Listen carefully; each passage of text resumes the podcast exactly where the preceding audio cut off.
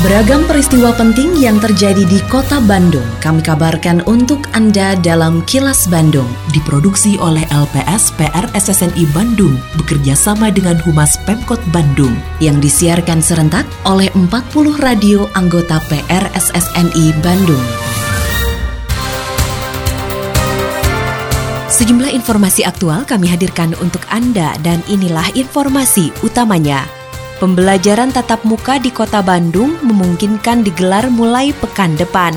Pipa PDAM pecah diduga akibat kegiatan ekstrim. Bio Farma bantah hoax barcode di kemasan vaksin. Saya, Santika Sari Sumantri, inilah kilas Bandung selengkapnya. Wali Kota Bandung, Oded M. Daniel mengatakan sangat memungkinkan dimulainya pembelajaran tatap muka atau PTM di Kota Bandung. Pasalnya Kota Bandung sudah masuk PPKM level 3. Namun dengan catatan kasus COVID-19 terus landai, juga dorongan para orang tua yang ingin anaknya kembali ke sekolah. Oleh karena itu, Oded mengatakan sudah meminta Sekretaris Daerah Kota Bandung, Emma Sumarna, dan Kepala Dinas Pendidikan Kota Bandung, Hikmat Ginanjar, untuk mempersiapkan berbagai kajian terkait pelaksanaan PTM. Sedangkan terkait kebijakan syarat PTM bahwa peserta didik dan tenaga pendidik harus sudah divaksin, Oded mengatakan akan mengacu kepada kebijakan pemerintah pusat. Jika syarat tersebut dilonggarkan, maka Kota Bandung akan mengikuti kebijakan yang ditetapkan. Saya sampaikan kepada Sekda, sampaikan kepada Pak Hikmat ya, agar dalam satu pekan ini ya ke depan itu betul-betul sudah dipersiapkan berbagai kajian alisanya sekiranya ke Kota Bandung. Mudah-mudahan bisa melaksanakan seperti yang diamanatkan oleh Kemendagri ya, ya seperti itu. Mungkin, mungkin, mungkin. KBG hayang atau lah, ya kan? Orang buka hayang supaya tong sertifikat di IU. Karena kan sekarang pasti itu baru sampai anak remaja kan, ya kan? SMP udah tahu kan ini persoalannya gitu kan.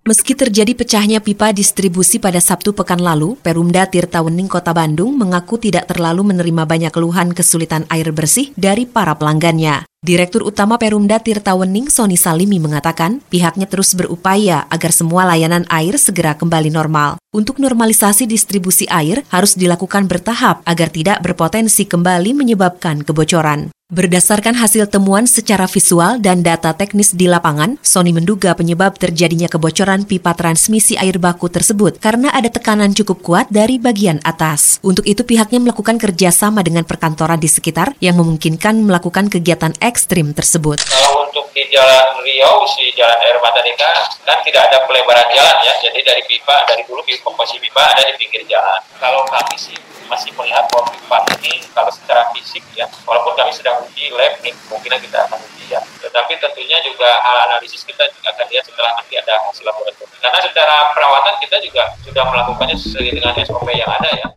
Pemerintah Kota Bandung melalui Dinas Perumahan dan Kawasan Permukiman Pertanahan dan Pertamanan atau DPKP 3 mulai membangun taman di kawasan RW. Targetnya akan dibangun satu taman dalam satu kawasan RW. Kepala Bidang Pertamanan DPKP 3 Kota Bandung, Rike Siti Fatimah mengatakan, untuk percontohan telah dibangun satu taman di RW 7 Kelurahan Cisaranten. Pembangunan taman itu untuk menyediakan ruang terbuka publik yang bisa dimanfaatkan warga sekitar. Selain kami memelihara taman-taman yang berada di pusat-pusat kota, kami juga memiliki program pembangunan satu RW 1 taman bermain, di mana salah satunya adalah kami berusaha membuat ruang terbuka publik untuk masyarakat di lingkungan perumahan permukiman, sehingga masyarakat bisa beraktivitas. Salah satunya yang kami bangun adalah taman di RW 7 Kelurahan Cisaranten Endah. Kami membangun taman RW ini dengan memanfaatkan sempadan sungai milik BBWS. Diharapkan nanti setelah pandemi ini berakhir, masyarakat bisa beraktivitas, bisa menggunakan fasilitas publik yang telah kami bangun.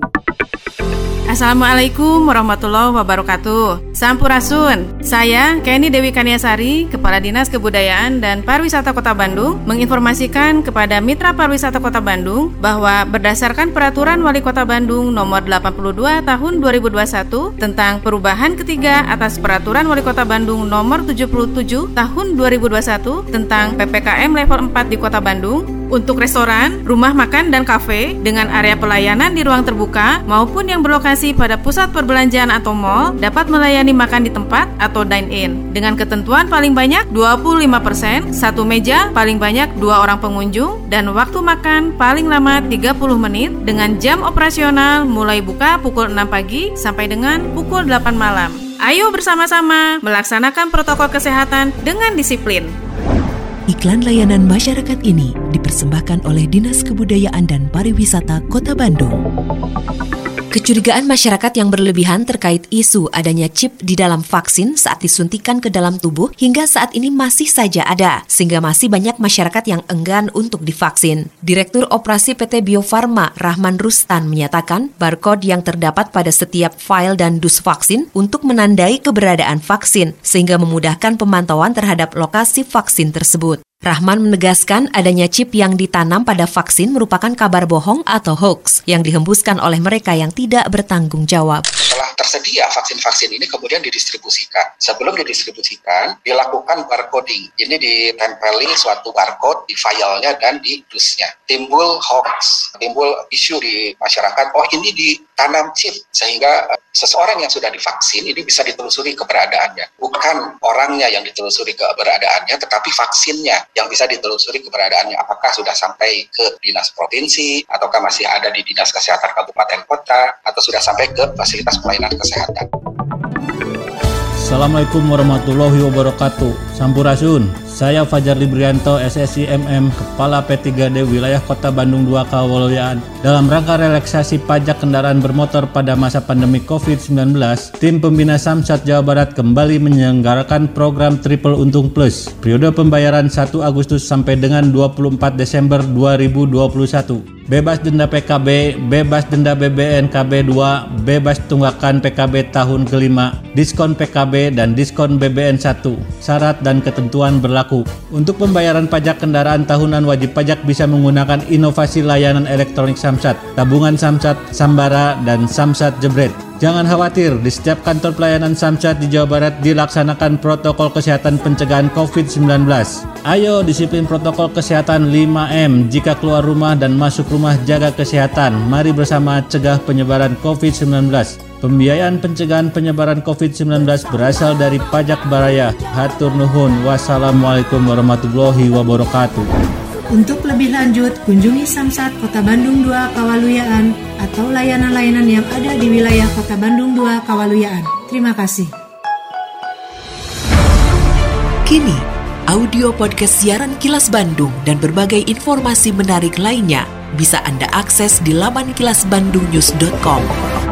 Berbagai kalangan terus berupaya agar mencapai terbentuknya kekebalan komunal atau herd immunity di Jawa Barat. Kepala Kepolisian Daerah Jawa Barat Inspektur Jenderal Polisi Ahmad Doviri mengatakan, untuk mencapai target herd immunity bagi 37 juta warga Jawa Barat, pihaknya melibatkan berbagai kalangan, termasuk pondok pesantren. Kapolda mengatakan dilibatkannya pondok pesantren memiliki makna yang strategis karena semua santri harus dalam kondisi sehat. Selain itu, vaksinasi di pondok pesantren juga bisa menjadi contoh bagi masyarakat luas untuk ikut serta dalam program vaksinasi massal. Dan yang paling penting lagi sekarang yaitu keberadaan pondok pesantren ini juga memiliki makna yang sangat strategis. Artinya apa? Pertama, santrinya itu sendiri harus sehat dan yang kedua, pondok pesantren juga menjadi contoh bagi warga masyarakat yang lain tetap patuhi protokol kesehatan di masa adaptasi kebiasaan baru untuk memutus penyebaran COVID-19. Selalu memakai masker, mencuci tangan, menjaga jarak dan menghindari kerumunan, serta mengurangi mobilitas agar terhindar dari terpapar virus corona. Terima kasih Anda telah menyimak Kilas Bandung bekerja sama dengan Humas Pemerintah Kota Bandung yang diproduksi oleh LPSPR SSNI Bandung.